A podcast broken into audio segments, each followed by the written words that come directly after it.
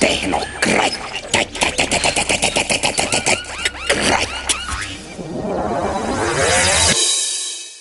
tehnokrati arvutiajaloosarja seekordseks äh, seltsiliseks on äh, Leo Vahandu, kes on olnud äh, Eesti arvutinduse aja juures, ajaloo juures ütleme, et selle päris algusest äh, saadik, aga me võiksime hakata pihta vahest isegi tiba kaugemalt. ehk äh, kui, kui Leo alustas äh, minuga juttu, siis ta ütles, et äh, täna saab programmeerimist kui palju? viiskümmend kaks aastat, viis kuud ja viis päeva. ehk siis umbes aastast viiskümmend kuus, jah. jah, aga viiskümmend kuus on tegelikult see koht, kus Kohe Eestis, jah jah., kus võiks öelda, et hakkas Eestis, hakkas see tähendab, me läksime siis Ülo Kaasikuga Moskvasse ja hakkasime programmeerima kohe käed arvutilistele la-, Moskva ülikooli arvutilistele La kolm. mis ennem seda oli, kuidas see kuidas see enne seda olid ainult läksite? summeerimismasinad Eestis statistikavalitsuses, mujal mitte midagi. mujal olid need Vendaga Felixid igal pool, kogu lugu, nii et enne seda midagi ei olnud. nii et tegelikult me olime ju siis mõlemad võrrandite lahendajad, matemaatikud. aga Gunnar Kangro, meie juhendaja ja tollane eh, meie professor, saatis meid Moskvasse õppima, vaatas, et see on uus ja põnev asi. see oli just see aeg, kus eh, küberneetikat hakati Nõukogude Liidus tunnistama viiekümne viienda teine pool, viiekümne kuuenda algus, sest sinnamaale oli ta filosoofide sõimata ja tõugata kui valeteadus ja, ja nii-öelda kapitalismi ja imperialismi väljamõeldis. jah, ma saan aru, et selle ting-, sellise vale arusaama tingisid ajakirjanikud seejuures. ja, ja ei, ei, poliitikud, mitte ajakirjanikud. ja am- ametlik süüdistus kusagilt No- on jooksnud läbi ka veel ajakirjanikud. no see, no need pidid tegema seda, mida poliitikud ütlesid. aga siis vastu hakkas sõjavägi, sest sõjavägi teatas, et kui niisugune jama edasi kestab, siis Nõukogude Liidu kaitsevõime ilma arvutiteta ja kogu selle värgita kaob kohe, kohe, kohe ära. ja, ja siis loodi küberneetikakomitee Eestiga seotud Aksel Ivanovitš Bergiga eesotsas, kes oli Rootsi, Rootsimaalt tulnud mereröövlite järeltulija akadeemik ja, ja tal on kõik, tema ema töötas ju Tartus selle Rostovtsevi ülikooli mm, direktrissina. ta oli Smolnõi eh, instituudi direktor, noh, tollal Peterburis. Ja siis, siis ta peksti sealt välja, siis ta tuli Tartusse. nii et Berg eh, ütles, et tema noores rääkis eesti keelt, aga nüüd oskas ainult tere veel tollal viiekümnendatel aastatel. palju see Nõukmaal üldse see küberneetika ajalugu siis oli, noh see, et ta ei no olnud tema nagu avalikult küberneetika ajalugu algaski viiskümmend viis, lõpp umbes jämedalt niimoodi. ega enne seda ei olnud. ma mäletan, ma olin veel aspirant, ma olin veel aspirant, see oli siis viiskümmend viis, siis ma lõpus kaitsesin just. Siis me teaduskonna filosoofia seminaris eh, Lembit Valt ja mina rääkisime esimestena, et, et küberneetika ei olegi nii-öelda võltsteadus ja, ja mida seal sees leida on nii-öelda, lora jutt loomulikult, sest mitte keegi mitte midagi ei teadnud.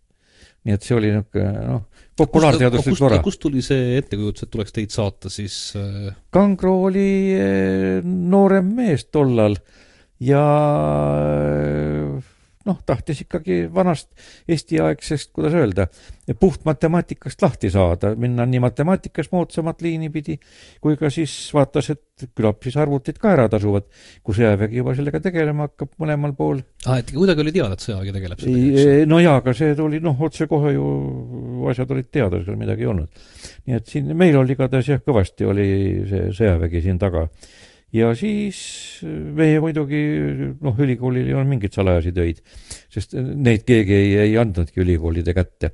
sellepärast ka muide ülikoolides see arvutustehnika nii viletsalt tuli, et kõigepealt kõige paksemad masinad ja kõige paremad sai kogu aeg sõjavägi endale. kõik PESM kuued näiteks Eestisse ju noh, see ei, ei tulnudki ju õieti PESM-e siia nii-öelda. just sellepärast, et sõjavägi võttis need kõik endale, need miljoni operatsiooniga masinad ja, ja meie saime tollal veel, kui nendel juba miljon oli, saime veel sada-kakssada operatsiooni sekundis, niisugune vahe oli. no on ka arusaadav, sest ega sõjaväel on no nagu Ameerika sõduri ülikond praegu on, et ülikond on ju tunduvalt targem kui sõdur. kes on keskmine, keskmiselt äh, keskharidust, keskhariduseta sõdur lihtsalt. tema, tema ülikonnas, tema riietus ja kõik päiksepatareid ja igasugu masinad ja isejuhtivad raketid ja kogu see kola on ju praegu kaugelt targem kui see sõdur ise Ameerikas, nii et seal pole midagi imelikku. mis te, mis te Moskvas tegite siis? Mille, mille peal te õppisite? meie läksime sinna, saime Moskva ülikooli ühiselamusse elama, olime kuu aega seal elasime, töötasime akadeemik Sobolevi kabinetis, kes oli siis matemaatika teaduskonna dekaan aga kes vist oma kabinetis käis kogu selle kuu jooksul üks kord. nii et ma üks tsutt-tsutte välja visanud omaenda kabinetist, mis see vanamees siit otsib umbes niimoodi. aga ta, temal oli seitse prodekaani, kes töö ära tegid, nii et akadeemik dekaanina ei käinud kuu jooksul ühtegi korda oma kabinetis. välja arvatud see üks kord, kus ta tuli ühte paberit võtma ja vabandas, et ta peab siit läbi astuma. umbes nii oli, noh, tema ikka, ta oli akadeemik, see on ikka kõva kutt mm. -hmm. mis te siis tegite ikkagi? meie, me läksime sinna Pavel Trifonov, tuntud programmeerimises, siis väga noor mees, ütles ahaa, nii siin te siis olete, näe, masinakäsud on siin, viskas Trello käsud meile ette.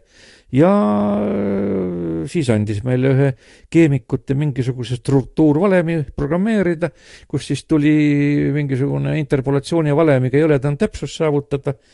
kui me siis selle tegime täiesti üldise valemi, mis siis hästi töötas, siis ta ütles, noh, kuup, kuup interpolatsioonist oleks ehk küll olnud, aga me tegime täiesti üldise. siis tegime programmi valmis, silusime ära, augud tulid kõik perforeerida, noh, kaks võimlakorrust, nagu siis tollal arvuti oli, üleval oli arvuti ja all olid siis perforaatorid ja, ja jahutid ja, ja kõik muud asjad. siis saime sõimata oma programmi eest. Sada kümme käsku, kaks pesa oli liiga palju pruugitud, sest oleks saanud ületäitumisega, noh, samasse pessa veel teisi muutujaid pannes oleks saanud veel kokku hoida kaks pesamälu, kui arvestada, et tal üldse kaks tuhat nelikümmend kaheksa pesamälu oli. ja siis on arusaadav, miks pesi kokku hoiti. tegelikult bait või kaks baiti või? ei, ei, see oli, üks pesa oli tegelikult nelikümmend kaheksa bitti, see on siis kuus baiti. nii et ta oli siis kaheteist kilobaidine arvuti, no nüüd, nüüd koolipoiski ei vaata nii, nii kehva rista peale enam, taskuarvutile. mis, mis arvutis ka oli? tema kolmeaadressiline neljakümne kaheksa bitine arvuti ja tal oli välis, Käis, välismäluks oli Magnet Lint, lamp, lampmasin loomulikult, kõik lampmasinad. oi, meil oli kaua aega ju, koputati, igal hommikul insenerid käisid puuhaamriga, koputasid kõik lambid läbi, et praht ja tolm ja kõik alla vajuks. see oli tõsine tegu, kummihaamer oli kohe selle jaoks niimoodi, mis, millega koputati. ega, ega selle, selle Nõukogude korraga sai nalja. ükskord meil üks prorektor eh, lasi keemikuna, et lasi, kui ma Tallinnasse juba tulin, kolisin üle, eh, mingisugust kakskümmend viis näitajat, vaata Tehnikaülikoolis tehti liime, siis maru häid, mida isegi Jaapanisse patenteeriti ja müüdi, no igasugu liimitud sillad ja kõik kõvemad kui, kui, kui, kui teras ja niimoodi umbes. ja siis laseb nende vahel seosed arvutada ja noh, ma arvutan välja, hakkan talle siis rääkima, siis ma näen, et, et sul kõige tähtsam muutuja süsteemis on niiskus. tema ütleb, et ei saa olla et Saksamaa ja Ameerika kõik ütlevad ei mingit niiskust, et üldse ei mängi. nii mina ütlen, et ei, aga sul on ja siis tuli mul endal vastus välja mõelda, vastus oli lihtne. erinevus sotsialismi ja kommunismi vahel eh, tähendab kapitalistide vahel. miks? sest meil ei olnud suvel keskkütet ja ruumid olid niisked ja kogu elektrontehnika läks häälestusest välja, nii et kaks nädalat tuli iga õppeaasta algul uuesti ristad käima panna, üles häälestada. ja siis mul tärkas see meelde et nendel on ju konditsioneerid, sellepärast ei olegi niiskuse vahet. ja kuna, kui, kui, kui niiskus konstantne on, siis ta ei mängi ju loomulikult. nii, nii et ongi, näete, ja seda ei mõelnud välja keemik, vaid seda pidi eh, andmetöötaja välja mõtlema Mm -hmm. okei okay., Straal no,, Straali arvuti, mis tegi lampide peal lampide peal, mis ta tegi, see on mingisugune no paar tuhat tegi võib-olla, nii et see oli kaunis kõva masin juba, ta oli number kolm ka niimoodi ja, ja siis tegime siis oma töö ära, sealt tulime koju. noh, Tartus, siis hakkasime Tartusse arvutit ajama. seal läks ka tüliks, kust ruume saab ja, ja, ja noh, siis saime ajaloo keelest, saime siis ühed ruumid ära võtta äh, sealt Laugaste, vaese Eduard Laugaste käest ja, ja siis tuli sinna Uural üks, mis tegi siis äh, ühe aadressilisi käske, tegi siis sada operatsiooni sekundis eks see oli võrreldes äh, sellega Stellaga suurusjärgu võrra aeglasem. nojah, ja siis andmed äh, perforeeriti musta filmilinti, no tavaline kolmekümne viie meetriline lint, kuhu siis perforaatoriga taoti augud sisse, nii et kõik käisid ringi, auk taskus, mida siis noa, taskunoa päraga aeti siis tagasi, et auke saaks täita, nii et augu, augu, aug, augud taskus oli tavaline nähtus tollal, neid tuli siis kokku panna. Ei, see oli sellest peaks kõik ümber ja kõik, ja iga, ja iga mees teadis kõiki koode peast ja oskas neid nii-öelda vabalt perforeerida taskunoa või, või siis selle skalpelli abil, skalpell oli parem isegi. oota, aga Tartu sai endale Uraali viiskümmend üheksa. äh, ilusate silmade eest? ei saanud, sellepärast ta oli piisavalt kaugel äh, Tallinnast aga Tallinnasse ei antud, näed, Tehnikaülikool sai suure, väga suure kaklemisega kuuekümne kaheksandaks aastaks alles. Nii et otsustati, et arvutuskeskus Tehnikaülikooli tuleb kuuskümmend viis ja siis pandi, anti siis äh, viis korterit ja viis kohta. mina olin siis üks korterisaaja, Tartus ma e-, elasin erakorteris ja siis pakuti siin Kruuno korterit ja sellega meelitati mind ära. siis, kui ma ära tahtsin tulla, siis leiti küll Tartus ka korter, aga no siis oli juba äh, Agu Aarnaga käed kokku löödud, nagu sa enam ei saa sõna murda, kui sa juba sõna andsid. ikkagi, kuidas see, kuidas Uraal Tartusse sai? selles mõttes, et Ur Uraal sai tänu, suuresti tänu Fjodor Klementi tugevusele. vaat tema oli ju Leningradist tulnud Rakvere mees kes jäi noh, pärast revolutsiooni sinna, sai seal väga kõvaks füüsikuks ja oli tõesti ikka äh, väga kõva füüsik. ja siis ta toodi, viiskümmend üks toodi vist, kui ma ei eksi, Tartusse siis ülikooli tugevdama pärast nende poliitiliste, nende küüditamisi ja poliitilisi protsesse, mis siis kõik olid. noh, pooled professorid lasti ju siis lahti kõik ja nii-öelda, noh, käis suur kodanliku natsionalismi, natsionalismi vastu võitlus. ja ülikooli tegelik peremees oli tollal ju kaadriülem Helene Kurk, kes siis keelas, käskis ja, ja käsi ja poo- ja, ja poos ja laskis nii-öelda. aga tuleme tagasi Uraali juurde mm,. see tuli siis füüsikutele või? Ei, see tuli miks kogu, kogu ülikooli jaoks ja, ja põhitegijad olid ikkagi matemaatikud. aga füüsikud hakkasid loomulikult ka kasutama, sest äh, see, võib isegi nii öelda, et see masin oli natuke nõrk füüsikute jaoks sest füüsikalised nähtused on keerulised ja füüsikavõrrandid on ka keerulised. niisugune füüsikaloks nagu see Uural üks tegelikult oli, kõlbas ikkagi ainult suhteliselt väiksemate matemaatiliste ülesannete jaoks, ma ütleks. sest füüsikaülesanded on mis kõik mis, mis te tegite selle peal siis? oi, kõigepealt hakkasime kõikvõimalikke matemaatikaprogramme programmeerima. võrrandid, no kuna meil oli teemaks oli võrrandite lahendamised ja mittelineaarsed ja kõik, siis hakkasime neid tegema ja tudengeid õpetama ja noh, algul said füüsikud ja matemaatikud, ega teised ei saanud ju programmeerimist. nii et ega, ega ükski muu ei õppinud nii et Tehnikaülikooli näiteks, kui ma siia tulin kuuskümmend kuus, eh, siis me hakkasime tasapisi kohe üritama, et kõigile sisse viia. paljud isegi ei tahtnud muide, aga täiesti eh, siin eh, Agu Arna oli kõva käega rektor, ütles, et kõigil tuleb õppida. ja saigi sisse viidud, sest no mis insener see on, kes arvutiga ümber ei oska käia, no siis oli kümme aastat peaaegu asi edasi ka ja, ja meie ja, ja miks me nii hilja saime, oligi just seesama statistikavalitsus, kes ütles, et, et teil ei ole nii suurt koormust üldse Tehnikaülikoolis, et et, et te suudaksite ühe arvuti üleval pidada ja siis meid jälgiti erilise hoolega ja ja saime tihtipeale sõimata, aga noh, eks me õppisime ka nõksud ära, mismoodi siis aruandeid tuleb teha. et siis nagu tsiviilkäibes arvutid olid tsiviilkäib-, jaa, need olid põhiliselt, statistika tahtis täielikult nende enda käpa all hoida, noh ta oli, ta oli, tegelikult statistikavalitsus oli, ei olnud mitte Eesti asutus, vaid oli statistikavalitsus Eesti Ministri Nõukogu juures, ta oli tegelikult Moskva organ niimoodi, nii et ta ei, ei olnud päris vabariiklik asutus, jäl-, vabariiki jälgiv asutus, kui nii võiks öelda. seepärast tal olid noh, ekstraterritoriaalsed õigused. Umbes nagu keskkomit-, partei keskkomitee teine sekretär oli oli tegelik peremees, mitte Eesti, Eesti esimene sekretär, kes oli eestlane tavaliselt või ka Siberi eestlane, aga vaat see teine sekretär oli tegelikult see Moskva saadik, kes keelas-käskis jällegi, nii nagu tahtis. samuti stati ja niisamuti, ja niisamuti statistika. ja meil oli ka, kui nemad ütlesid ei, siis ülikool ei saanudki arvutit Mhm. Ja ma mäletan kuskil Tar-, Tartu Ülikoolil nagu seda küsimust ei olnud, nemad said Uraali kätte ei, ei, ei, ei, ikkagi, ikkagi. põhjendusi tuli tohutu hulk kirjutada ja läks ikka hulk, hulk, me hakkasime viiskümmend kuus kohe ajama ju, kui me tulime. ja näed, viiskümmend üheksa alles tuli arvuti, järjekord oli ka suur ju. nii et ega see nii libe ei olnud, tahtjaid oli palju. nii et see oli, oli täiesti, see oli tõeline kanossa teekond tookord arvuti kätte saada mm. -hmm. ja okay. peale seda ta kurat ei töötanud ka kui toorelt öelda, nii et seal oli ikka ins-, insenerikunst oli siis kõva. no näiteks meil oli peainseneriks oli füüsik Elmar Vestman, seal olid ikka põhiliselt kõik füüsikud. tema ju pärast läks meilt peainseneri koha pealt ära, tegi, tegi oma kandidaaditöö ja doktoritöö ja, ja sai siin isegi suure füüsikalise leiutise eest sai mingisuguse rahvusvahelise auhinna ja kõik puha. nii et meil olid ikka kõvad mehed tollal seal e, inseneridena ega siis, siis, siis oli ikka insener, see oli ikka tõeline inseneritöö, mitte nüüd nii-öelda valmis ploki sissepistmine eh, nagu, nagu praegu on. kas see, kas selles ajas oli mingisuguseid eh, sidemeid ka juba väljapoole Nõukliitu või? viiskümmend kuus ei olnud mitte midagi. vot eh, tekkis esimene oli kuuskümmend üks, kaks, kui siis Ülo Kaasikul õnnestus saada ka äh, õppeaastaks sõit Californiasse. Ta oli seal, siis töötas seal arvutuskeskuses, siis kuuskümmend kaks, kolm oli Viktor Palm Ameerikas Tartu Ülikoolis keemikuna, aga tema oli vist seal paar-kolm kuud tuli tagasi, ütles, et pole midagi teha.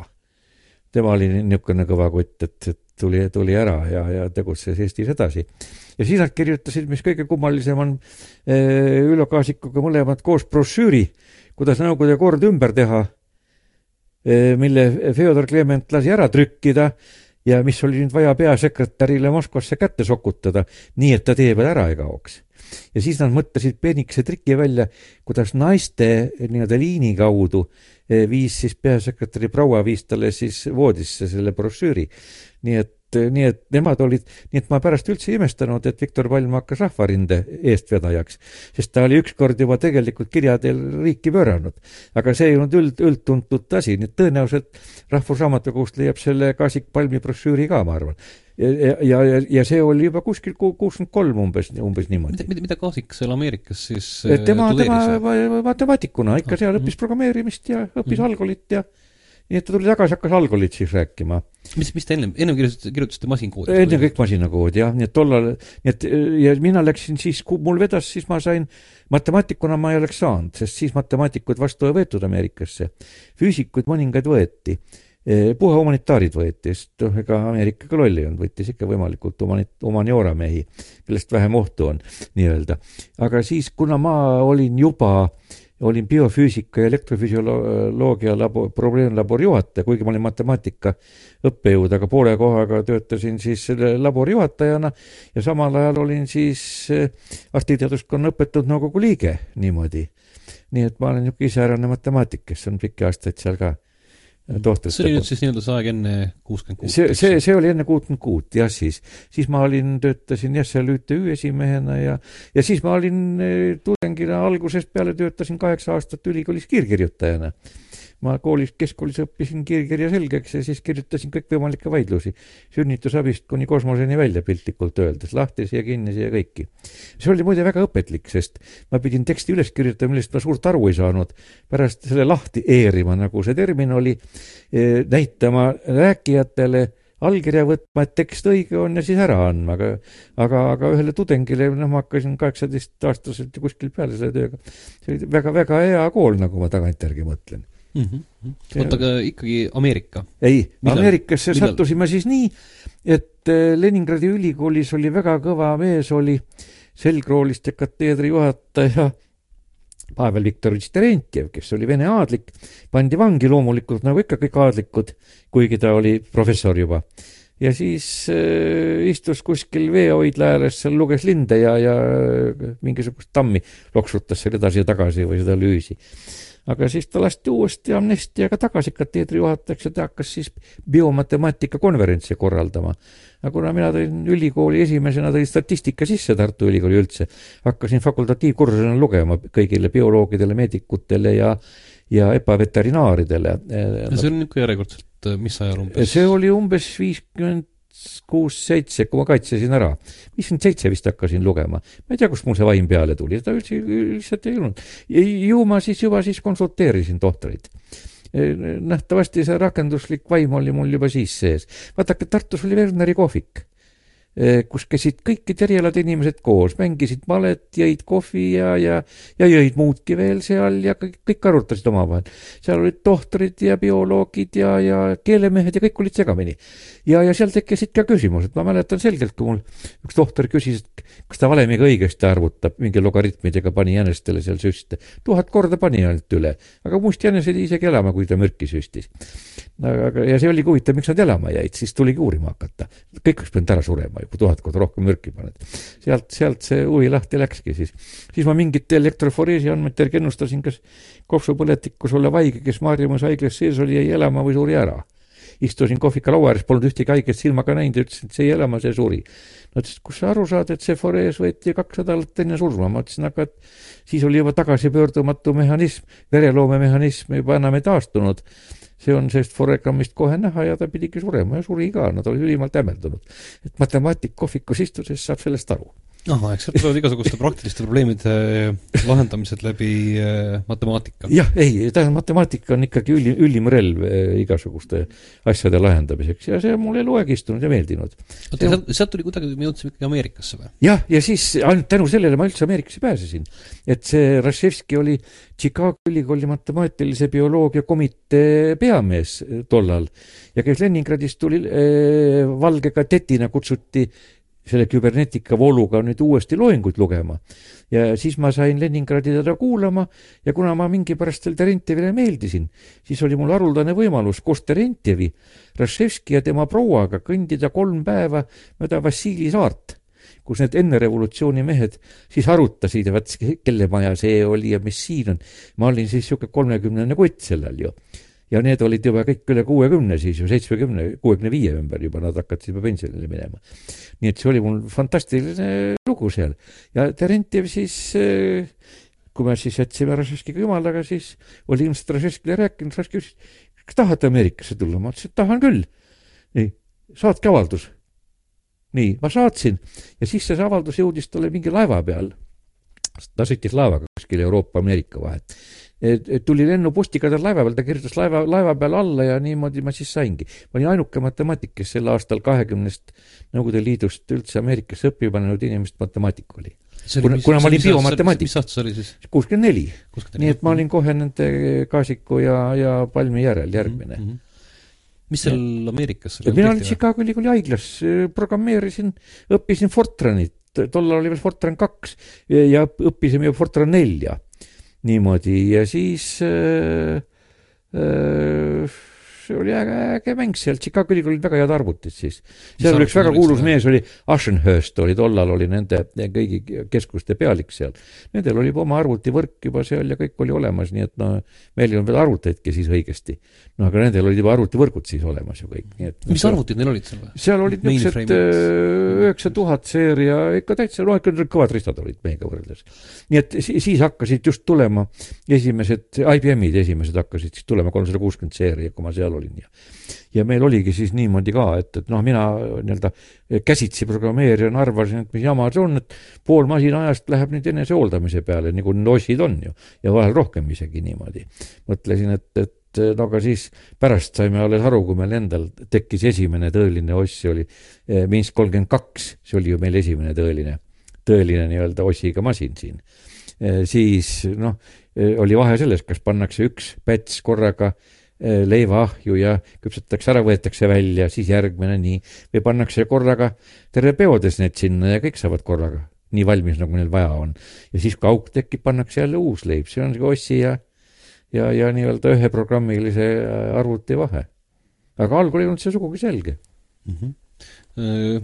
mis seal mis asja seal Fortranis sai siis programmeeritud või? Eh, Fortranis, eh, no seal olid rohkem bioloogia näited loomulikult, sest seal olid need Roseni väga kuulsad metabolismiteooriad, nii-öelda isearenevad süsteemid, graafiteooria rakendamine bioloogias, siis Raševski kõikvõimalikud teooriad, kuidas üldse bioloogilised süsteemid arenevad ja samuti sotsiaalsed süsteemid, sest ega kõik keerulised süsteemid käituvad jämedalt öeldes ühtemoodi fraktaalse süsteemina.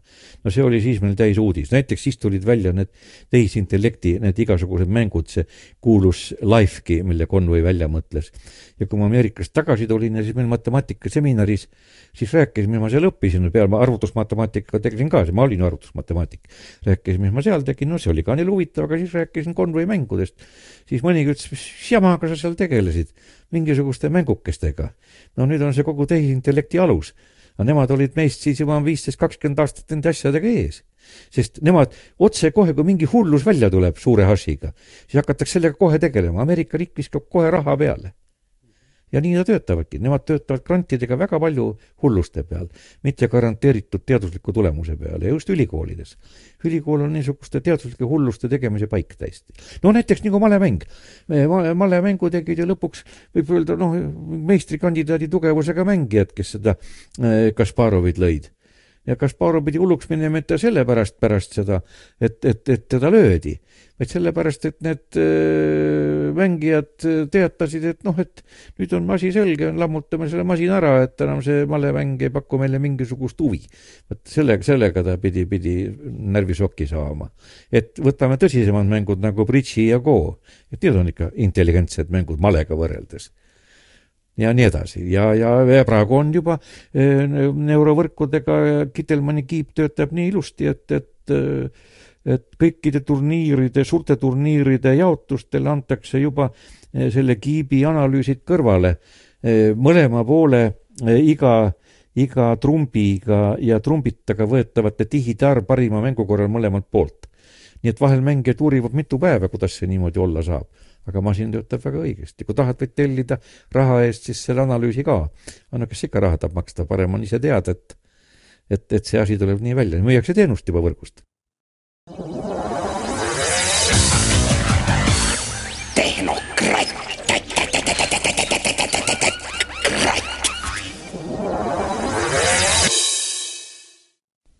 Tehnokratt jätkub, mina olen endiselt äh, Petsek Peeter Marvet ja ma olen parasjagu külas Leo Vahandul räägime sellest, äh, milline on Eesti arvutinduse ajalugu ja kuidas Leo on seda näinud.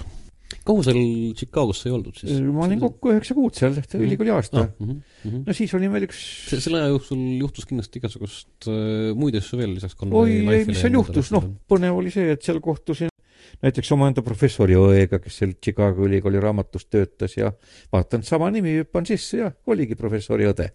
niimoodi ja, ja, ja, ja, ja siis noh, palju sai seal eestlastega levitud. leidsin oma klassivend, mul oli seal neli või viis eh, klassivenda viiendast klassist näiteks seal, kellega seal kohtusin.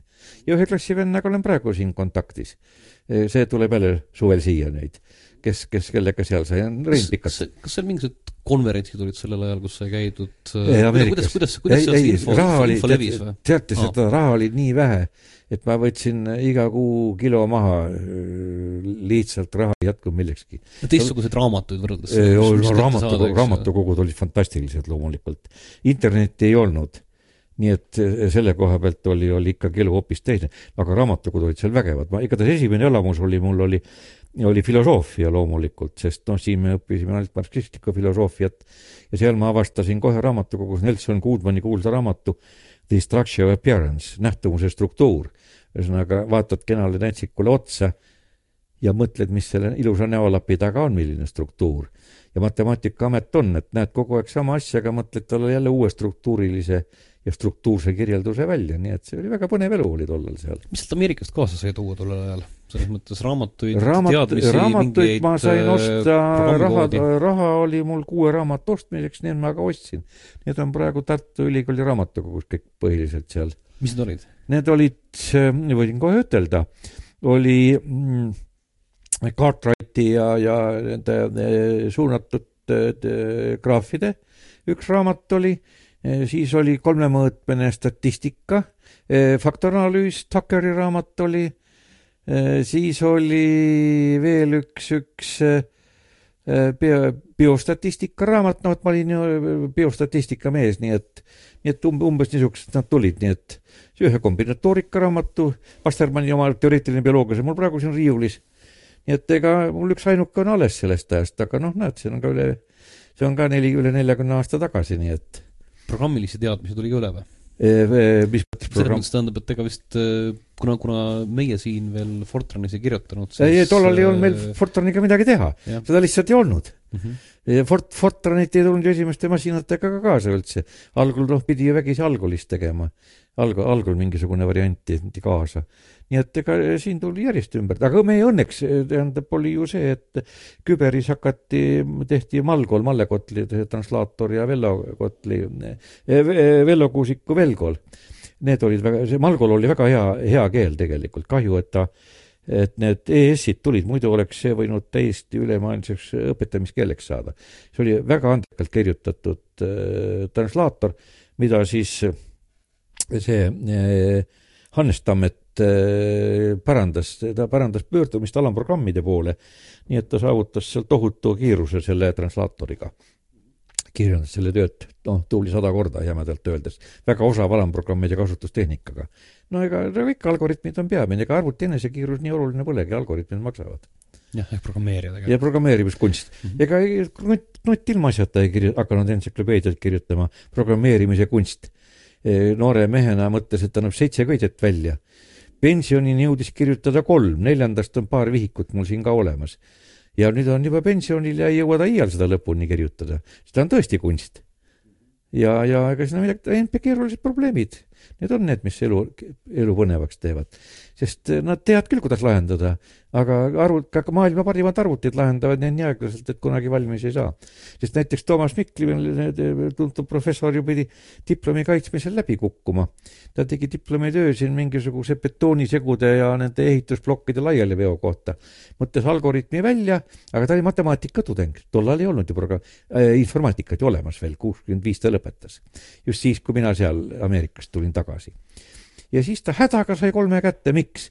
sest ta ei suutnud selle algoritmi, millega ta kõik koormad laiali vedas ja mis ilusti praktikas töötas ehitusarvutuskeskuses, kus muide praegu see Maksu- ja Tolliamet seal sees on Endla tänaval.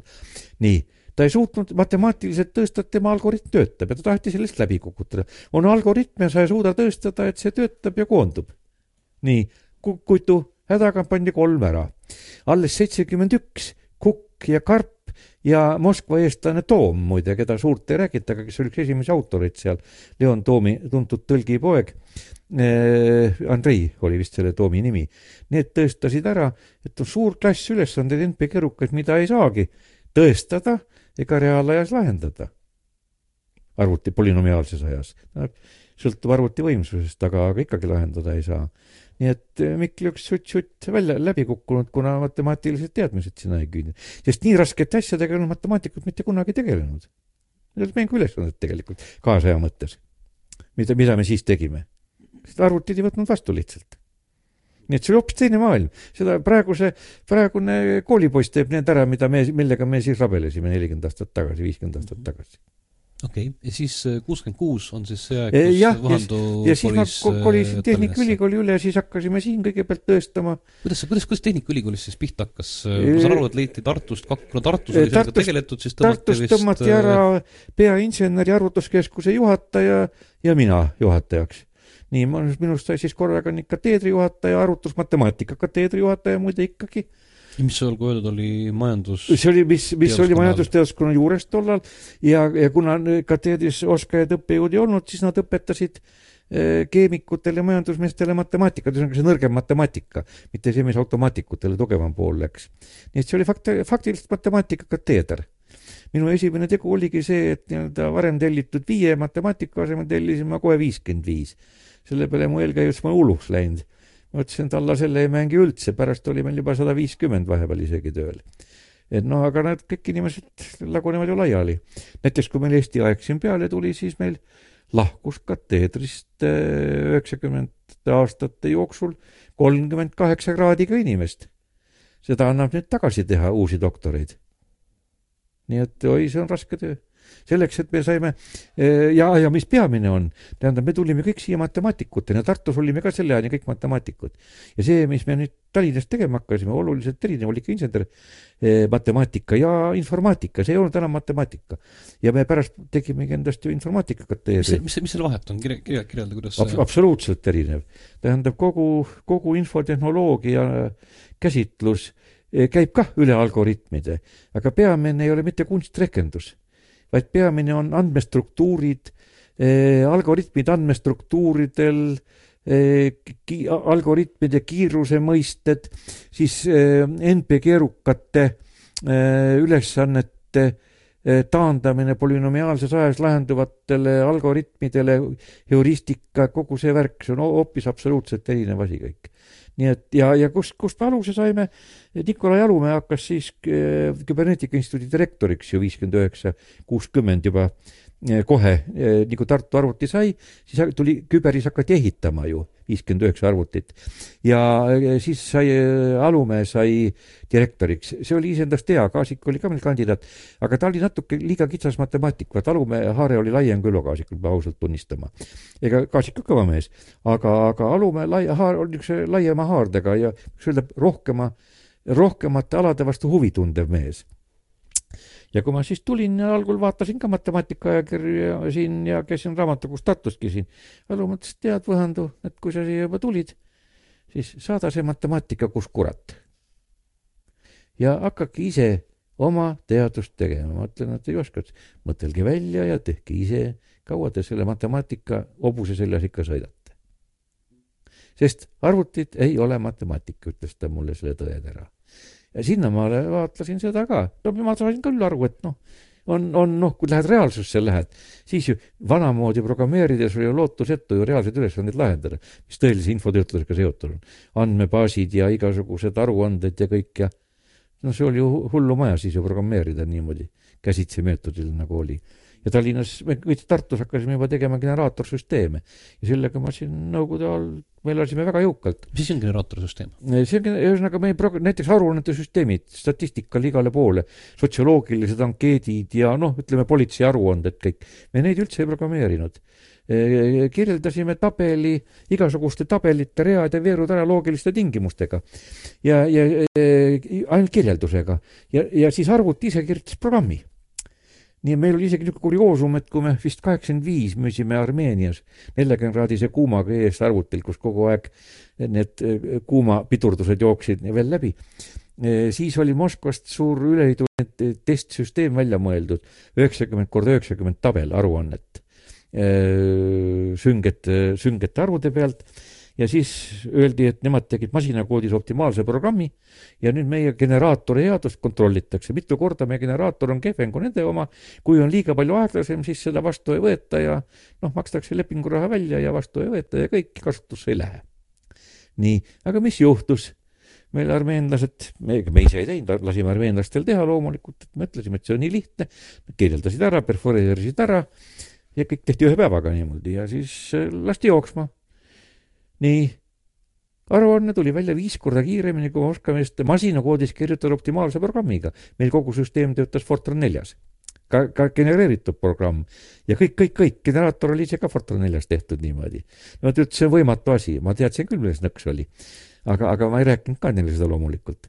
ja siis nad ei tahtnud seda testimistulemustesse panna, ma ütlesin, kuidas. näete, teistpidi on teil kiiruse mõõt sees ja nüüd ei taha kirjutada, et meie oma jookseb viis korda kiiremini küll nad olid hämmingus. algul öeldi, et niikuinii on tulemused valed.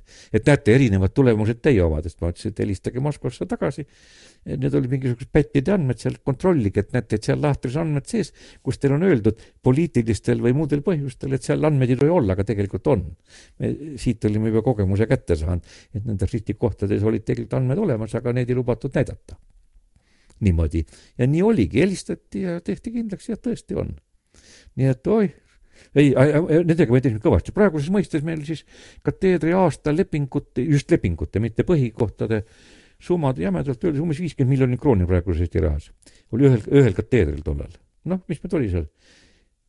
nii-öelda ka-, kateeder kakskümmend inimest ja, ja, ja keskuse jagu ka veel sada inimest, noh meil Lume ja Prisk ja Tepandi ja Mikli ja Õunapuu ja kõik praegused professorid ju. Lume Tõnu oli meil ju peaprogrammeerija seal ju, tuntud Lurichi mees. Ta oli väga kõva programmeerija, ta oli tegelikult ju laevaehitaja. niimoodi ja parim opsüsteemini lugeja. kuna ta tõeline lurih oli, siis meil kõik tüdrukud värisesid, kui ta seal loengut luges tema ees, niisugune noor ja tugev mees rääkis seal nõnda, et ei olnud midagi. okei, aga generaator tähendab, selles mõttes on mingisugune hulk andmeid yeah. ja sealt siis Vaat, jämedalt, jämedalt öeldes, kui, kui sa Excelis, Excelis pivot tabelit tead, kujutad ette nii, meil jooksid pivot tabelid, mis Excelisse tulid alles siin eh, mitte väga ammu, mõni aasta tagasi meil jooksid need juba viiekümnendal aastal siin ja teenisime kõvasti sellega. et, et me ei kirjutanud, ma olen, vaata matemaatik-. tegite statistikat kergemini kui teised statistikud? jah, absoluutselt, kohe kõvasti kergemini. üks parim tulemus, mis meil oli, oli, see oligi sama statistikavalitsusega. ühesõnaga, see oli kuskil nõukogude aja lõpul niimoodi mingi, helistatakse statistikavalitsusest, neil on vaja mingit aruannet kähku teha ja ankeedid jõudsid kohale, aga vaat selleks tähtajaks Moskvasse ära ei jõua saata. Nad teadsid, et meie generaator oli, et kes ei saa, meie oma pruuki, ma ütlen küll, tulge meile tippi, lahendage. ei tohi, meil on omal arvutid. suur saal täis, mitu arvutit neil veel. nii ma ütlen, et ostke programm ära me käest. ei tohi osta, meil on omal projekteerimisinstituut. niimoodi. mis siis sai? võtsime siis Lutškovskiga ja, ja, ja, ja äh, läksime siis äh, statistikasse tegime selle ankeedi ära ühe päevaga, kustutasime lintide pealt kõik andmed ära ja nad saatsid Moskvasse ära. selgus, et kõigist kuueteistkümnest liiduvabariigist või viisteist, mis meil oli, oli Eesti ainukene, kes ära saatis. ja siis tõusis Moskvas kisa, et aga meil on aukude täitmise programm teile või ülesanded veel teile saatmata. mis asi on aukude täitmise? tähendab, osa, ankeedis ei anta ju kõikidele küsimustele vastuseid ju kui täidetakse suuri pakse ankeete, igavesed vihikud. ja siis oli statistika ette näinud, mismoodi neid auke tuleb täita siis ülejäänud andmete põhjal. nii, ja, ja no siis saadeti kiiresti see vihik nende täiendustega, aga kuna meil oli uute tunnuste genereerimise süsteem ka, tähendab, mismoodi nüüd igasuguseid uusi kombinatsioone teha, siis jällegi eh, meil oli siis väga kõva mees, oli praegune tuntud diplomaat eh, kuna pärastine Eesti suursaadik eh, Ameerikas Sven Jürgenson, Rein Jürgensoni poeg, oli meil siis kateedris, tollal oli kolmanda kursuse tudeng meil veel siis sellal. nii, ega see, ega see õige matemaatik oli ju laisk, mina ülem olen teinud niikuinii midagi, Lutskovski oli aspirant, tema ka ei teinud midagi, siis panime kolmanda kursuse tudengi genereerima. Sven Jürgensoni, tema genereeris siis asjad ära ja, ja tegime jälle ära, nii et nad said ülejärgmine päev said Moskvas kätte juba. ja siis saatsime meie kirja Moskvasse, et ostke meilt ära see süsteem. ei tohi süsteem ei lubanud, idiootsused, absoluutsed idiootsused. nii, aga nüüd, kui Eesti aeg tuli, siis enam ei saanud müüa, sest siis tulid Ameerika arvutid ja Ameerika süsteemid ja nüüd tekkis uus nähtus, mis praegugi on. näiteks Leisi Paul, tuntud mees ju linna pealt, ütleb mulle ka, Leo, teil võivad maru head andmetöötlusprogrammid olla, meil on tõesti praegu väga head, me oleme, pistame maailma parematega praegu rinda siin süvaanalüüsiga ja tulemustega. aga näiteks Eesti Pank, ja, ja pangad ei saa neid kasutada, sest need ei ole mingi rahvusvahelise, ma ei tea, mis asja poolt litsenseeritud, nagu nad ütlevad. aga ta maksab viis miljonit selle eest, et ta on kallis programm, kuigi töötab kehvemini kui minu, minu võib-olla viiekümne tuhandene sest litsenseeritud matemaatika ja litsenseerimata matemaatika, eks ju. just, just, praegu on niisugune kurio-, asi on jõudnud niisuguse kurioosumini välja. ja mul pojalgi oli. seda, oota, aga seda, ma ja, korra katkestan vahele, et äh, aga kas, kas seal on see, et, et et äh, kuidas nagu verifitseerida, et see matemaatika õige on või? no aga, aga ma... sellega me oleme vist ka tegelenud Eestis. jaa, oi, palju on meil praegu siiamaani tegeletakse sellega ju veel. Eh, no meil Tepandi on ju selle alla, mis ta luges meile kogu aeg loenguid ja, ja Küberis ju Tarmo Uustalu ja need tegelevad ju praegu nii sellega. no see on niisugune postteooria, mis nüüd järele jäi. meie näiteks oma translaatorite rühma pidime Eesti ja tulekul lahti laskma ja, ja, ja kõik läksid ju tööstusse ära ju. seal maksti ju mitu korda suuremaid palku. meil äsja siin minemas ta kaitses üks mees doktorit, kelle palk on professori palgast üle kahe korra suurem. ja ta ei mõtlegi kateedrisse kaks korda väiksema palga peale tulla, tegi huvi pärast doktori ära. ja esineb konverentsidel ja kirjutas aastas tosin artikleid ja niimoodi ja nii et ta teeb teadust täiesti huvi pärast mm. -hmm. aga armastusteadlane. jah, lihtsalt armastust asja vastu. nii et ja meil on palju, samas firmas töötab teinegi meil doktorit kaitsnud mees ka seal ja tema palk on ka taoline miks ta peaks meil töötama kaks korda väiksema palga eest mm? -hmm. aga tuleme tagasi sellesse kuuekümne kuuendasse aastasse, aastasse, kus ja, siis hakati ja. nagu seda Eesti informaatikat looma. tekitama jah, looma. jah, tõesti, looma võib öelda. mis need ja siis asi hakkaski nagu see nii-öelda tipi pool hakkaski pihta sellest samast statistilisest stat- statistikast ja vaata, kuna mul oli kogemusi juba äh, tohtritega nende andmeanalüüsi ja statistikaga nii-öelda teaduse poole pealt, vaat siis ka siin nii-öelda see majanduse pool hakkas ka minema. näiteks kurioosumina mõeldi tollal välja statistilisi indekseid, ma isegi ühe ma majandusõppejõu veastasin välja sellega, et ta teatas, et ta on uued välja arvutanud ja näitaski, et on uued indeksid. Mina pistsin, aga ta tegi seda käsitsi arvutades. mina, mina panin valemitesse ja näitasin, et need indeksid, mis ta arvutas, olid lihtsalt käsitsi arvutusvead mm. -hmm. nii. ja ma võin isegi ühe majandusteaduskonna õpperaamatu näidata tollal, mis ei olnud arvutustehnikaga seotud, mida ma huvi pärast tahtsin just pruukida, et saab arvutil, nii-öelda arvutile rakendada ja lasta arvutil töötada. raamatus kõik näited olid valed. Käsitsi ei saadud lihtsalt õigesti arvutada see oli väga oluline punkt, see oli esimene asi, mis, et, et arvutid oma tulekuga tegid arvutused korrektseks, mis enne valed olid sageli. mis need arvutused olid siis? Kõik- kõik- kõikvõimalikud majandusarvutused. sest käsitsi, no ka inimene väsib ära ju. isegi palja, kui sa kirjutad arve terve lehekülje ümber, seal on juba üks-kaks viga statistiline norm muide. ega ei saa äh, kirjutada. statistikas ju kõik andmed perforeeriti kaks korda ju, erinevate programmi-, perforeerijate poolt, et vigu välja saada, sest muidu on andmed valed ju. nii et see on tõsine probleem, ega see ei ole üldse triviaalne asi. kuuskümmend kuus Jah. tipis äh, lisaks arvutusmatemaatikutel vist samal ajal tekkisid ka see Jah. ustusaguri poole ja, peal ja siis meil siis Ustu, automaatikutel- Ustusaguril tekkis nüüd siis see eh, nii-öelda eh, arvutite poole kateeder ja, ja siis, kuna meil oli majandusinimestel ette nähtud kolmsada kuuskümmend tundi elektrontehnikat ja, ja neid igasugu skeeme, mina ütlesin matemaatikuna, mul mitu aastat töötanud, see on täielik jama. Ja palusin siis Agurit, et kas ta teeks meile ühesemestrilise või kahelise kursuse. Ja see tema raamat riistvarast ja see, see on puhtalt meie palvel kirjutatud, tead, see, mis ta meile teikatel luges, sealt hakkas nii-öelda tekkima nii-öelda, kuidas öelda, mitte elektroonne vaade infotöötlusele, sest ega infotöötluse jaoks ei ole vaja elektroonikat ja lampe ja, ja skeeme ju üldse teada. See oli, see oli nii revolutsiooniline vaade, et meid taheti algul täiesti maha lüüa, kui me niisuguse plaaniga välja läksime sest kõik arvasid ikka, et no lamp, mis insener see on, kes ei tunne jootmist ja kolbiga ei oska töötada. mm.. aga kuna meil, aga kuna meil oli eksamitega igast kahekümne viiest kohast oli kakskümmend kolm tüdrukut, no need ei taha ju joota. ja, ja, ja, ja. oota, aga automaatika oli selles mõttes olemas, automaatikast kasvavad need arvutid nagu ja nemad tegid analoogarvutitega ja, nii et- ja, ja, ja noh, nemad olid ka jõu, jõuelekter ja, ja, ja nõrkvooluelekter nagu asi oli, nõrkvoolumehed. nii et eh, sealt ka, sealt tulid ja noh, Boris Tamm oli ju ka ju automaatik ja, ja ta oli, ei ta oli puhas elektrijaamad ju.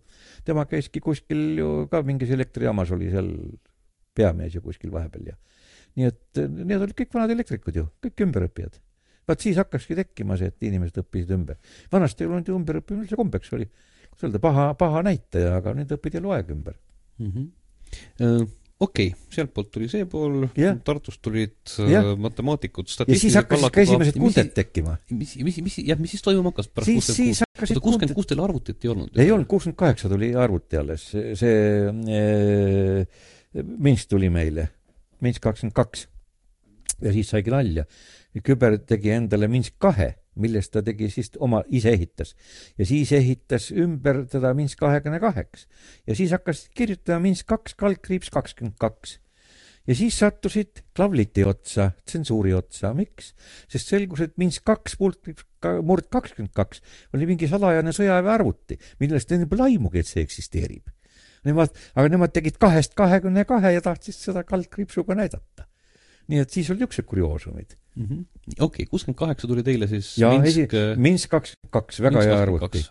Nii, siis oli algu- kus kohas? see oli Minskis tehtud Ah. Minsk ja Minskis oli väga hea kvaliteediga arvutid, palju paremad kui, kui need äh, Urali arvutid ja ja, ja siis need Pesmid, kõik muud kas me tehti. oleme jõudnud selleks ajaks juba pooljuhtide eks ole? siis jah, Minsk, ma isegi ei mäleta ausalt öelda, seda peab kuskilt mõne, mõne oli, oli, oli, arvutuskeskuse raamatust üks, ma, minu meelest kaks, kaks oli, kaks oli vist juba hakkas ikka pooljuhtidega olema.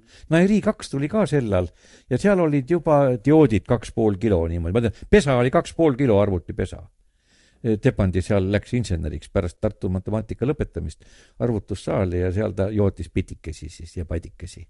Niisuguse ütles, ütles, et, et jah, et, et, et üks pait oli kaks pool kilo jämedalt öeldes niimoodi, aga ja, ja, ja siis äh,, aga siis me õnneks, ma taipasin kohe ära, et masinakoodi pole tipis, kuna me tahtsime kõigile õpetada, ei olnud mõtet. ja siis tegime oma arvuti kolmeteist käsuga, Elma süsteemi, meil oli kolmteist kolmeaadressilist käsku. taskuraamatusse mahtus ära ja siis lasime kõigil programmeerida selles kolmeaastases masinas ja nüüd tekkis väike kurioosum, kuna kõik tudengid õppisid ja nagu ikka programmeerimises, kolmandikul oli kerge, kolmandik sai ise kuidagi hakkama ja kolmandik ei osanud üldse. no see on kogu eluaeg niimoodi olnud. nii, siis need hakkasid nüüd arvutuskeskustes käima, et teiste keskuste töötajad aitaks neil ära programmeerida. aga kuna need seda keelt ei teadnud, siis olid maru hädas. siis hakati meie käest uurima, et mis pagana keel see niisugune on, no siis hakkas see meie ilma ka levima. aga, aga selle kolme see oli, see oli arvuti või see oli lihtsalt selline pseudokeel või? see oli pseudokeel -hmm., kolmteist käsku, sellega teeb kõik asjad ära. sest ega mis programmeerimine on? on, on, jooksed mingi andmete rivi lineaarselt läbi ja teed iga elemendiga midagi, see on esimene raskusaste, on nii-öelda, kus elementide arvust sõltub, teine on see, et enne pead sorteerima ja siis jooksed lineaarselt läbi, kui hästi sorteeritud on, see on O n kord log kaks n nii, ja kolmas on see, kus sa nii-öelda otse läbi joosta ei saa ja sortida ka ei saa, vaat siis teed tagurdamisega, teed puustruktuuri. see on siis proloogi keerukus ja NP keerukus juba. Need üldse kolm keerukust ongi, see ongi kogu programmeerimine. ja siis on valik, kahe asja vahel valin ja kogu lugu. ega rohkem polegi, iteratsioon ka, tsükkel. selle koha peal teeme jutus Leo Võhanduga pausi kuni järgmise nädala saateni, sest äh, juttu jagus meil enam-vähem täpselt äh, kahe saate jagu ja ma ei hakka seda nüüd suvel lõikama, panen kuulama kõik ära, mis Leol rääkida on. ehk siis äh, seltsiks oli Leo Vahandu, saade oli Tehnokratt, mina olin Pitsek Peeter Marvet. kohtume teiega jälle järgmisel nädalal, samal ajal, samas kohas, seniks aga nagu ikka, lehv-lehv